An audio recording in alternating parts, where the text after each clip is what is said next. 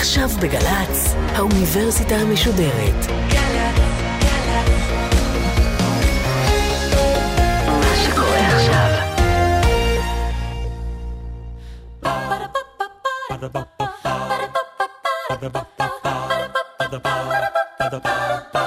האוניברסיטה המשודרת מציגה מבוא ל עם קובי מידן, והסמסטר טקסטים מכוננים של הישראליות, והפעם שיחה עם הפרופסור חיים באר מאוניברסיטת בן גוריון על מכאן ומכאן, מאת יוסף חיים ברנר, עורכת ראשית מאיה גאייר. שלום לכם. לפני 105 שנים, בשנת 1911, רואה אור סיפור חדש מאת יוסף חיים ברנר. סיפור חדש של ברנר הוא תמיד בבחינת מאורע, והסיפור מכאן ומכאן גם מעורר סערה לא קטנה. זה לא ממש מפתיע, כמעט כל מה שהוא מפרסם מעורר סערה, מסוג זה או אחר. אלה שורות הפתיחה של הסיפור הזה. זאת הקדמה, בעצם ההתנצלות של האדם שמביא את הסיפור לבית הדפוס. הוא כביכול מצא את המחברות שבהן כתוב הסיפור, שבכלל נכתב על ידי מישהו אחר. תשמעו את ההתנצלות שלו על זה שהוא בכלל מדפיס את המחברות הללו. מוציא לאור אחד ממכריי פיתני ואפת, להביא בעזרתו ובהוצאותיו לדפוס את הכתבים כדלקמן, שהוצאתי מתרמילו של אחד הנודדים והכואבים בתפוצות הגולה.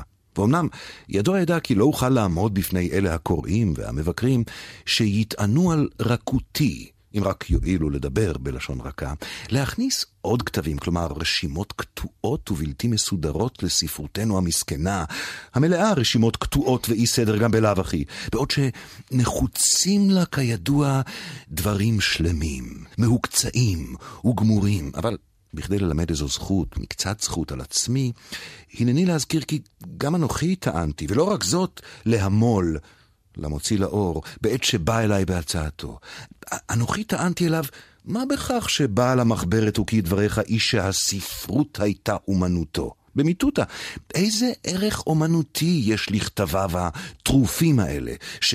פתוס שירי אין בהם, ואף לא רחבות הדעת, ואף לא שכלול הנוסח, ואף לא כל ארכיטקטורה, ואף לא התבטאות הנפש הכל עולמית, כמו שדורש מבקר אחד בדברו על תעודת האומנות, ואף לא מטרות נעלות אחרות, המטרות הנצחיות של האומנות, לרומם את הרוחות ולגרום עונג אסתטי. מה יש פה?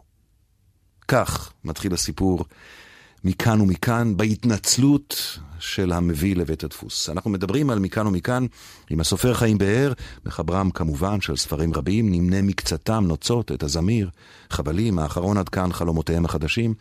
בנוסף, פרסם באר כמה ספרי עיון מרתקים לענייננו, גם אהבתם, גם שנאתם, ביאליק, ברנר, עגנון, מערכות יחסים. חיים באר, שלום לך. שלום קובי. נחזור עוד אל השורות האלה, שורות הפתיחה האלה, כי הן מקפלות לא מעט בחובן, גם מהתפיסה האומנותית של ברנר. יש כאן ויכוח עם ביאליק גם. ויכוח עם ביאליק? כן. אה, ביאליק, שהיה מבוגר ממנו ובכיר ממנו, אה, ביאליק גם חילץ אותו אה, מהצבא הרוסי, שם הוא היה מגויס. ביאליק מימן את חטיפתו כביכול ואת העברתו ללונדון. אה, ביאליק אה, לא מרוצה מהכתיבה הברנרית. הוא מעריץ אותו, הוא מעריך אותו, הוא חושב שהוא סופר נפלא, אבל הוא אומר לו, מה זה אתה? אתה לא ערוך, אין ארכיטקטורה. כל, כל הטענות שאתה שומע כאן, זה בעצם זה הפנמה... זה מקוטע, זה לא כן, מסודר, כן, אין ארכיטקט, כן. אין מבנה, אין, מבנה. אין, אין, אין משמעת אומנותית. וכאן הוא עונה לביאליק ואומר לו, תשמע ידידי, זה מה שאני יודע לעשות, כך אני רוצה לעשות. זאת אומנות לבנות את זה כך, שאתה קראת את זה עכשיו, זאת אומנות לבנות את זה כדי שאנחנו נשמע בעצם את הקול הפנימי. בעצם אנחנו נשמע את זרם התודעה. וביאליק לא יודע לעשות את זרם התודעה. כשמשהו לא הולך יפה אצל ביאליק, ביאליק מלטש אותו. זאת אומנות אחרת. תן לי תמונה של מי הוא ברנר ב-1911, בשתי מילים מה עבר עליו עד עכשיו, מה מעמדו. תראה, ברנר הוא ה... היה בעצם הדבר של אותם אנשים שיצאו מתחום המושב, שנתקלו בסוציאליזם, בציונות, והם מבינים שהכל אבוד. בעצם הכל אבוד, אין תקווה, אבל לא מתאבדים. זאת אומרת, זה הפסימיזם הקונסטרוקטיבי. וברנר עובד כל הזמן. ברנר כותב כל הזמן, והוא חי אה, ב- ברוסיה, הוא בורח או מבריחים אותו לאנגליה, באנגליה הוא מכין כתב עת, ששוב, זה לא השילוח של ביאליק, שזה מהשילוח ההולכים לאט, זה המעורר, זה הפעמון, זה הרעש. ושם מוציא שנתיים לבד, כתב עת, בשעה שאין אף כתב עת עברי באותו זמן, הכל קרס. זה, הוא האחרונים על החומה. זה השנים הראשונות של המאה ה-20. כן. ברדיצ'בסקי כל כך מיואש שהוא עובר לכתוב בגרמנית. כולם בייאוש נורא, וברנר מכין כתב עת והוא מסדר אותו במו ידיו, הוא פועל דפוס. הוא מדפיס את זה, הוא כורך את זה, הוא הולך לדואר לשלוח את זה. מעטים בתפוצות הגולה. ובגלל עניינים אישיים, איזו מריבה מוזרה מאוד עם גנסין, הוא נוסע ללבוב. והסופר שהיה ידידו מנוער. מנוער, כן. והנפשות לא, לא עובדות יפה יחד. הוא עובר ללבוב. בלבוב הוא חי תקופה אה, קצרה, הוא מוציא עם שופמן כתב עת, רביבים, שוב, הרצון שירד קצת, קצת גשם רך, רביבים, לא, לא מטר סוחף. עובר בינו משהו לבין שופמן, הם שלושה, שלושת הסופרים הגדולים ביותר של המודרנה. הפרוזאיקנים, ברנר, שופמן וגנסין. אה, שופמן עושה לו תרגיל מכוער, הוא לוקח את החברה שלו, והוא עולה לארץ ישראל. הוא לא ממש ציוני. החלום הציוני הוא לא החלום שלו, אבל זה עוד מקום שיהודים חיים. אין לו פספורט. רבי בנימין, שזה יהושע רדלר פלדמן, נותן לו את הפספורט שלו, וכיוון שרבי בנימין אה, יש לו זקן, אז ברנר מגדל זקן, כדי שהוא יתאים לתמונה בפספורט, ה... והוא בא לארץ ישראל ולא אה, יודעים מי הוא, קוראים לו פלדמן. כשהוא בא הוא כבר איש מפורסם הוא איש בין מפורסם, האנשים הוא הקוראי סופר, ספר, כן. אבל הוא- הוא בא בעילום שם. הוא, הוצ... הוא היה עורך של שני כן, כתבי כן. עת, הוא כתב את בחורף, הוא כתב את אה, מעבר לגבולין וכולי. אה, מי שעושה לו את האוטינג היה אליעזר בן יהודה בעיתון האור, שהוא מפרסם בכותרת ראשית, אה, הסופר המדליק הגיע לארץ. המדליק? המדליק, כי ברנר זה הבוער, אז הסופר המדליק, אה, וברנר אה, רוצה לעבוד בחקלאות. והוא מתחיל לעבוד בחוות חפציבה, שזה היום ליד חדרה, חברת החשמל, לחפור בורות, אה, לנטיעת עצים. זה לא זה. והבורות הבורות יוצאים עקומים, יש תיאורים אה, של הבורות שלו, והוא אומר ביידיש, מדף גיינצם קסטן. קסטן זה, על- צריך ללכת לתיבה, תיבת האותיות. הוא חוזר לעבוד בדפוס. מהר מאוד הוא חוזר לעולם הספרות, לא, ותוך כן. זמן קצר למדי הוא שב וקונה לו את מעמדו גם בקהילה הספרותית בארץ. ישראל. הוא נהיה סוג של גורו, מגדלור כזה. הייתי, כן, כן. אני חושב שהוא הוא, הוא בעצם, מי שגילה לנו את עגנון, זה הוא. הוא הדפיס בכספו את, אה, את ויעקב למישור של עגנון. אם אני אומרת, זוכר נכון, הוא אפילו משכן את חגורתו. כן, הוא כן. החזיר את, חגור, את החגורה, את השלייקס, יותר נכון. אה, את השלייקס. אה, הוא מוציא את בין מים למים, ואחר כך הוא כותב בעיניי את אחת היצירות הגדולות ביותר. זה בעצם, אה, אם תרצה, MRI של העם היהודי. הוא מכניס את העם היהודי לשיקוף, ולכן זה נקרא מכאן ומכאן. הוא בודק אה, רוסיה, הוא בודק את העיר למד, שזה לבוב, זה גליציה ששייכת לקיסרות האבסבורגית, אה, הוא בודק את ארץ ישראל. כלומר, יש לו, העלילה מתרחשת בשלושה מקומות עוקבים, שהם... בהם נדד הגיבור, אותו בעל המחברות. די- כן, ובעצם אתה אומר, הוא בודק את אפשרות הקיום. כן. שם, שם וכאן. כן. ו- והשם אומר לך את הכל. מכאן ומכאן. מכאן ומכאן. זה בנוי על הסיפור התלמודי, על, ה- על, על, על אותו גבר שהיה נשוי לשתי נשים, אחת צעירה ואחת זקנה, והזקנה תלשה לו את השערות השחורות, והצעירה תלשה לו את הלבנות, והוא נשאר קרח מכאן ומכאן. זאת אומרת, העם היהודי מבחינתו של ברנר הוא קרח מכאן ומכאן. אין שום צ'אנס, ולכן בצוואה שם, שהוא אומר, הוא אומר, תחי העבודה העברית העולמית. זה אולי השורות המופלאות ביותר בספר. אה, שאני חושב שזה טקסט מכונן עד היום, נקרא כמה שורות ממנו. החיים רעים, אבל אבל תמיד סודיים. אתה שם לב, החיים רעים, אבל מיד היפוך. המוות רע. העולם מסוכסך, אבל גם מגוון, ולפעמים יפה. האדם אומלל, אבל יש והוא גם נהדר. לעם ישראל, מצד חוקי ההיגיון, אין עתיד. צריך בכל זאת לעבוד. זה- כל זמן שנשמתך בך, יש מעשים נשגבים ויש רגעים מרוממים. תחי העבודה העברית האנושית. כן. מעולם, כמו שאמר חנוך לוין, לא היו המוות והחיים בכפיפה כה קרובה. והאדם נהדר, אבל גם מסוכסך, גם זה, גם זה, ובעצם הרעיון שצריך לעבוד. אתה לא פטור, הרגע היחידי שאתה פטור מעבודה, זה אם אתה חולה.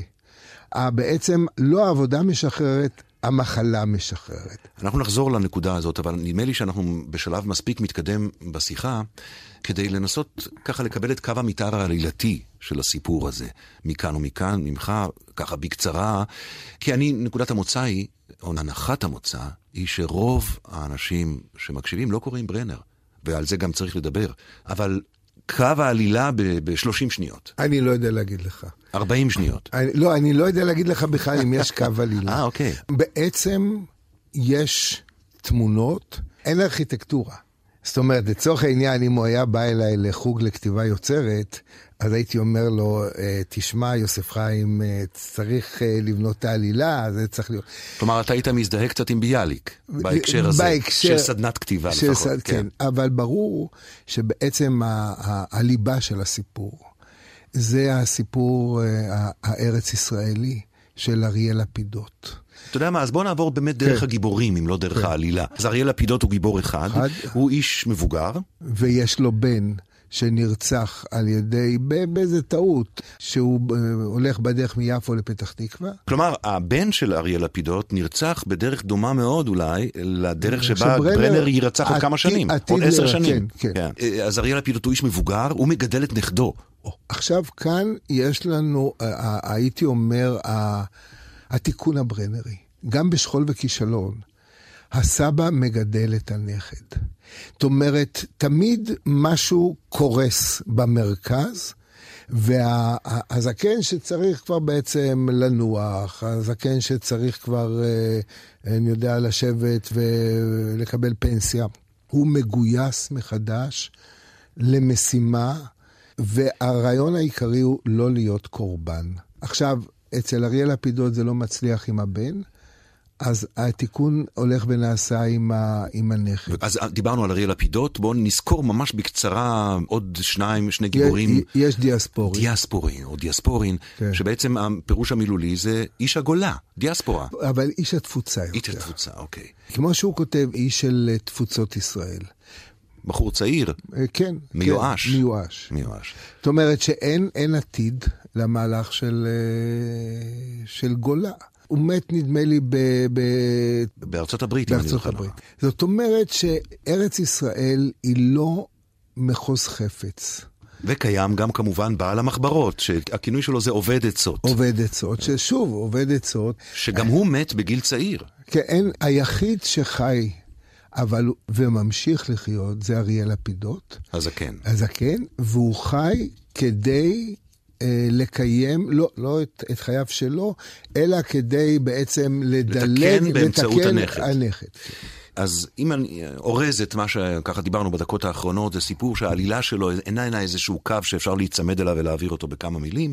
הגיבורים, ובעיקר הזירות השונות, אם זה רוסיה, אם זה ארץ ישראל, אפילו ארצות הברית, ובכל מקום, א', כמובן אין יתרון, אתה אומר, לארץ ישראל, אבל בכל מקום, אין יתרון מהבחינה הזאת, שבכל מקום הדרך חסומה, הייאוש מנצח. ואני רוצה לשאול אותך אם הייאוש הברנרי, אם הייאוש של הדמויות של ברנר, הוא ייאוש אישי, אם תרצה פסיכולוגי, או ייאוש לאומי, אה, אם תרצה אה, המצב של העם היהודי לאן הולך. והאם בכלל אפשר להבדיל בין השניים? תראה, המצב של העם היהודי במפנה המאה הוא מצב קשה מאוד. זאת אומרת, אתה מרגיש את, את רוחות מלחמת העולם הראשונה אה, הרוחות שהולכות ומתקרבות. זה ברור שהחורבן הגדול של העם היהודי, תחילתו לא בשואה, אלא תחילתו במלחמת העולם הראשונה. ויש אנשי רוח שרואים את זה כבר אז בצורות מצמררות. הצג עוד מעט יתחיל לתאר את הקברים העתידים כן, לבוא. הוא, אם אתה שואל אותי, מדוע אורי צבי גרינברג נהיה כל כך קיצוני מיליטנטי, זה בגלל הירצחו של ברנר. זאת אומרת, מותו של ברנר בסופו של דבר, זה מראה כאילו לגיבורים הברנרים, תראו, אין, אין תקווה באמריקה, אין תקווה ברוסיה, כי אתם תלכו לצבא ותהרגו, אין תקווה ב... בקיסרות האבסבורגית. וגם כמובן לא בארץ ישראל, כאן נרצחים. וגם בארץ ישראל. וה, והחיים שלו, כמעט הייתי אומר, מופת מותו, אם אפשר להשתמש במילה המטומטמת הזאת, מופת מותו, מעיד על העניין הזה. וכאמור, הסיפור מתפרסם, הסיפור שאנחנו עוסקים בו, אה, מכאן ומכאן, מתפרסם כעשר שנים לפני הרצחו כן. של ברנר. ואני רוצה לשאול אותך, איך הוא מתקבל, הסיפור הזה? דיברתי בדברי הפתיחה על סערה, אה, האיש הוא איש אה, משפיע מאוד, סיפור חדש שלו, בוודאי סיפור ארוך יחסית כמו הסיפור הזה, ולא קטעים קצרים. זה מאורע ספרותי, מה קורה? תופסים אותו על איזה עניין שולי. יש לו שם תיאור של מערכת של כתב עת בשם המחרשה. מערכת כתב עת המחרשה, מערכת של עיתון סוציאליסטי, פועלי, ארץ ישראלי. תיאורים נפלאים של. הוואי מ- הו... מהמערכת של העיתון הזה כן. שחי בקושי. כן, וזה כתב עת שברנר עבד בו. ברנר, אמר עליו עגנון, ברנר הוא אדם חסר דמיון. זאת אומרת, ברנר לוקח את החיים והופך אותם למשל, אם, אם נשתמש בשם של פנחס שדה. והמשל הוא שהמקום שצריך להיות הכי מתקדם, סוציאליסטים, אנשי רוח. באותו עיתון. ב, כן, כן. זה עוד, עוד שטיבל חסידי. ומי שנפגע מהתיאור הזה, עד אימה, זה יוסף אהרונוביץ', שהוא העורך של אה, כתב העת, והוא בעלה גם אה, של הסופרת דבורה ברון. והוא יוצא בחרפות ובגידופים כנגד ברנר. זאת ההתקבלות. במקום לראות מה הוא כותב באמת, תפסו אותו על... איך הוא מעז לתאר אותי ככה. ואז הארץ הומה ורועשת. וכולם מסביב בטוחים בעקבות ביאליק. שברנר הוא חסר דמיון, ולכן צריך, אפשר, וצריך אולי, בספרים שלו ובסיפורים שלו, לחפש את המודלים שעל פיהם נבנו כן, הדמויות וה, כן. והמאורעות, וכאן, כמובן, העלבון הגדול של אהרונוביץ'. שהוא... ואז ברנר כותב את מאמרו הגדול, הז'אנר הארץ-ישראלי והאביזרי. כלומר, מילה... והאביזרים שלו בתצורה עתיקה ופרודית כן, בעצם. כן, אבל, והאביזרי הוא במקורות, זה תמיד אביזרי של עבודה זרה. אה, זה מאמר, הז'אנר הארץ-ישראלי והאביזרי הוא, שבאמת נכנס לתולדות הספרות העברית כמאורע. אני אקרא כמה שורות ממנו ונדבר על זה. כמדומני, הוא כותב, שלא טעיתי הרבה באומרי לך, שעד עתה אי, כלומר אין מקום בעצם, לז'אנר מחיי פלסטינה. אפילו באותה מידה שיש מקום לז'אנר בספרות בכלל. כלומר, כנראה שגם אין בספרות מקום לז'אנר, בטח שלא לז'אנר מחיי פלסטינה. מובן מאליו שיכול הוא חוואג'ה מוסא לכתוב מחיי הערבים כנפשו, אני ביישוב היהודי עסקינן. והיישוב הזה, אמור מה שתאמר, אין הוא לא רק חדש, צעיר ותמול שנותיו עלי ארץ, אלא גם קטן, פעוט ונער יכתבו. בעצם אומר, אין מקום לכתיבה ארץ ישראלית, ובהמשך של המאמר הזה, הוא קוטל שורה של סופרים שכותבים... חוואג'ה מוסא זה סמילנסקי, משה סמילנסקי. אותו שומר סופר. כן. אה, שהסיפור הידוע שלו זה על איך שהוא מגיע לירדן ומתאכזב, זאת אומרת, מה, גיבור מה, שלו כן. מתאבד מהקטנות של הירדן. זה דודו של אה, סמך יזהר. כן. בקיצור, נדמה לי שאפילו נהוג לומר היום שבעקבות המאמר הזה, דור שלם של כותבים ארץ ישראלים הפסיקו לכתוב. כן. זה, הוא בעצם אה, עצר את כתיבת ההוואי הארץ-ישראלי. לא לכתוב על ארץ ישראל כהוואי, אה, כ, כמה שנקרא, אני לא רוצה לקחת דוגמאות, אבל בוסטן ספרדי למשל, תמונות יפואיות של, אה, של מנחם תלמי, לא לתאר איך אנשים מדברים. לא פולקלור, לא ולא, פולקלור ולא מיופה. ולא מיופה, כן. ברנר הוא איש מוסרי, וזה אולי הדבר שכבש. את הלב, כי השאלה הגדולה היא תמיד, למה אה, אנשים נכבשו לאיש הזה שהוא לא מסודר ופרוע ו- ו- ובלגניסט, והטקסט הוא בלגני. מה הם זיהו בו שכבש את ליבם? ומה שכבש את ליבם הייתה האמת המוסרית שהוא אה, עמד עליה, ויש הביטוי הידוע בזכות זכות הצעקה, זכות המחאה. אה, שאמרו לו בוועידת ההסתדרות הראשונה, אדון ברנר, חבר ברנר, אין לך זכות דיבור. אז הוא אמר, זכות דיבור אין לי, אבל זכות uh, מחאה וזכות הצעקה יש לי. וישנו הציור הידוע שנחום גוטמן צייר אותו ככה עם היד למעלה, כן, כן, זועק כן. עם, ה, עם הברנריות כן. הזאת. Uh, באילו דרכים הטקסטים של ברנר, ואני מנסה להפריד כאן בין אישיותו שדיברת כן. עליה עכשיו, האישיות המוסרית, באיזה מידה נכון להגדיר טקסט כמו מכאן או מכאן, או טקסטים אחרים של ברנר, כמשפיעים באופן מכונן על הספרות הישראלית, על התודעה הארץ-ישראלית ואחר כך הישראלית? תראה, קודם כל, אה, אני אלך ברמה אה, מיידית. אתמול שלשום של עגנון, לא היה יכול להיכתב בלי הכתבים של ברנר. אה, וזאת השפעה אחת. ההשפעה השנייה, הייתי אומר על הספרות, זה שהוא גם שמיר. גם יזהר, אה, גם תמוז, ו- וכל מי שבא אחר כך, גם עמוס ו- וגם אה, א' ב' יהושע, למרות שהם לא תלמידים ישירים אה, כולם, משהו מהיושר, משהו מהתביעה הגדולה, אני לא כותב בידור, אני כותב משהו שאמור אמור לאחוז אותך בגרונך, זה הדבר. אבל הייתה לו השפעה מאוד מעניינת על קוראים. אה, שני אנשים מעידים שהם עלו לארץ ישראל אחרי שהם קראו את שכול וכישלון. שמבחינת משרד הקליטה זה הטקסט הכי גרוע. הכי אנטי עלייה. הכי אנטי עלייה. Mm-hmm. שכול וכישלון. כן, וזה, ושום דבר לא ילך פה, ומתים, ו, ויש שם הגיבורים, אחד יוסף חפץ והשני חיים חפץ, שזה יוסף חיים אה, ברנר. ברנר. ואחד הוא אחד החלוצים המרשימים ביותר שהיו לנו, אה, סלוצקין מעין חרוד, שחי עד גיל מאה ועבד עד, עד יומו האחרון, אה, שהוא משפיע על כתיבתו של מאיר שלו. וסלוצקין אמר, אני קראתי את שכול וכישלון, ובגלל הספר הזה, בגלל האמת שבספר הזה, אמרתי, אז יש לי מה לעלות ומה לעשות. השני הוא גרשון שלום.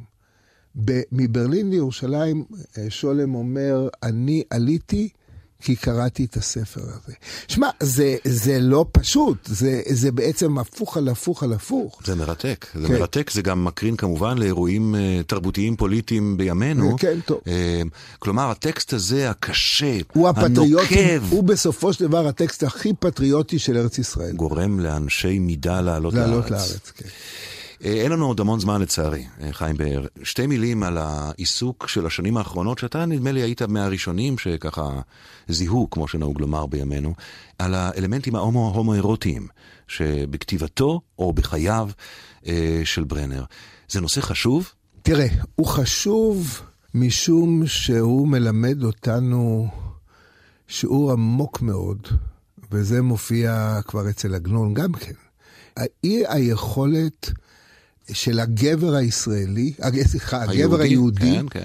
הגבר היהודי המזרח אירופי, לשאת ולתת עם אישה כאדם שווה ערך לו, אלא משהו, זאת אומרת, זה, זה לא הומואירוטיות שמכירה בעצמה, אלא היא הומואירוטיות של כתוצאה מאכזבה, ייאוש, אי ידיעה. והאנשים היחידים שהוא מזהה כבני שיח מבחינתו, זה גברים. אה. בראשם כמובן גנסים, שיש גם תיאורים כן. אה, מרתקים, מרגשים מאוד, איך, על האינטימיות איך, שלהם. כן, כן על האינטימיות אני, שלהם. אני חושב שזו הומואירוטיות שלא לא מימשה את עצמה, אם, אם לזה אנחנו מתכוונים, אבל ברור שאתה קורא את, ה, את הדבר הזה. ככל הנראה, עוד לא נעשה המחקר החשוב הספרותי של גם הומואירוטיות אצל, אצל עגנון. אה, אצל הגיבורים של עגנון, אני לא... משהו בי אומר לי שהמחקר הזה נכתב באלה ימים. עכשיו, כשאני מסתכל קצת לרוחב על יצירתו של, של ברנר, ואתה יודע מה? גם על חייו. לילדים יש מקום שקצת, אה, בא לכתב בשפתיי, קצת מזכיר לי את המקום שיש לילדים בכתיבתו של סלינג'ר. כלומר, קודם כל הם רבים מאוד. תחשוב על עצבים. כן. אה, ויש שם סיפור על, על מישהו שעולה לארץ, ובדרך הוא מנסה להציל אימא אלמנה כן, עם, כן. עם, עם ילדיה. תחשוב על חייו, היחסים המאוד קרובים שהיו לו עם שתי הבנות בירושלים, שהיו הבנות של בעלת הדירה שלו, שהיו יחסי ידידות עמוקה, עמוקה. אם לא למעלה מזה, בהפרשי גיל גדולים מאוד. הילד הוא המבט התמים על העולם, לא? אה, כן, אה, אבל אני, אני קצת אה, אה, חוכ- חוכך בדעתי, או מנסה לראות מה, מה התפקיד של הילד אצל ברנר. אני חושב שהילד זאת ההזדמנות השנייה אה, שניתנת לך, ולכן הנכד זאת ההזדמנות השלישית שניתנת לך. לחיות את חייך אחרת מכפי שאתה חיית. משום שדמות האב שעולה אצל ברנר היא דמות איומה ונוראה. יש ספר שלם שדוב סדן, שלמד אה, פסיכואנליזה ועסק בתורת פרויד הרבה, מתאר את דמות האב אצל ברנר. הוא איש איום ונורא. בחורף, הדמות של האב המתרפס, האיש ש- שלא חוזר הביתה לארוחת החג. אתה, דרך הילד, אתה רוצה אולי לחוות תיקון, עשיית תיקון. אה, נזכיר רק במילה, חיים באר, אה, דבר מותו של, אה, של ברנר נרצח, רמזת על כך, בבית מבודד עם עוד כמה אנשים, היה יכול, היה יכול להתפנות, כך, כך הסיפור אומר, אבל העדיף לתת את המקום במכונית שהגיעה לפנות אותם לאנשים עם ילדים, כן. אה, ונשאר, והייתה, הייתה, היו פרעות, ונרצח על ידי ערבים, המון ערבי שחזר מלוויה. המוות הזה היכה בתדהמה ובאבל כבד מאוד את היישוב, אבל אני רוצה לסיים את שיחתנו דווקא בסוף. של מכאן ומכאן. אקרא ואחר כך תאמר עוד כמה מילים. אה, באמת אחת התמונות הגדולות של הספרות העברית, ושתי מילים שנצרבו גם בליבי.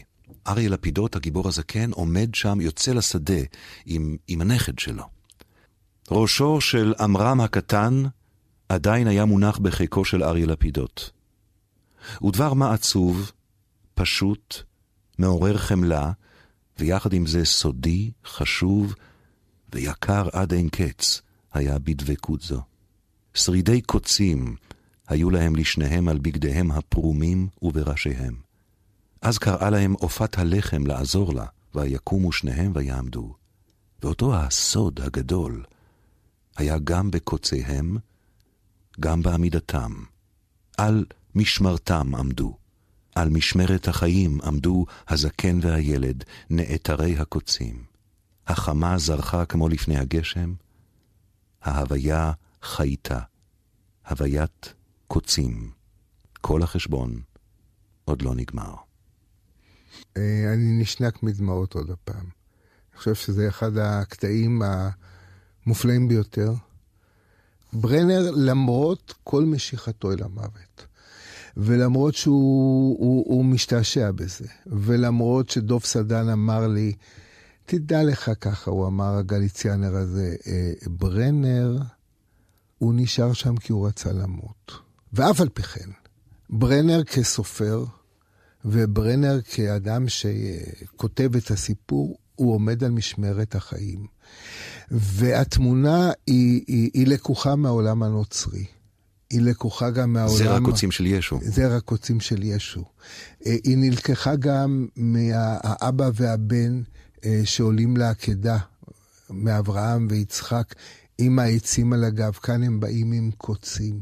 ברנר מחבר את שני, את שני הסיפורים, המקראי ומהברית החדשה, הוא מחבר אותם יחד. אבל הם, הם הולכים לאפות לחם. ומי שאופה לחם רוצה להכין את חומר להמשך קיומם של החיים. לכן האש היא אש שמכינה את הלחם, ולכן הקוצים יישרפו, וזה לא עקדה.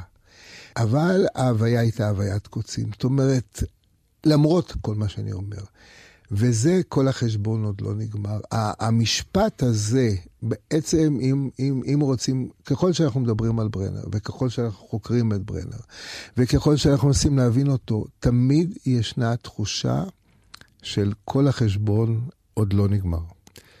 יוסף חיים ברנר, מכאן ומכאן. חיים באר, תודה רבה לך. קובי מידן, תודה לך.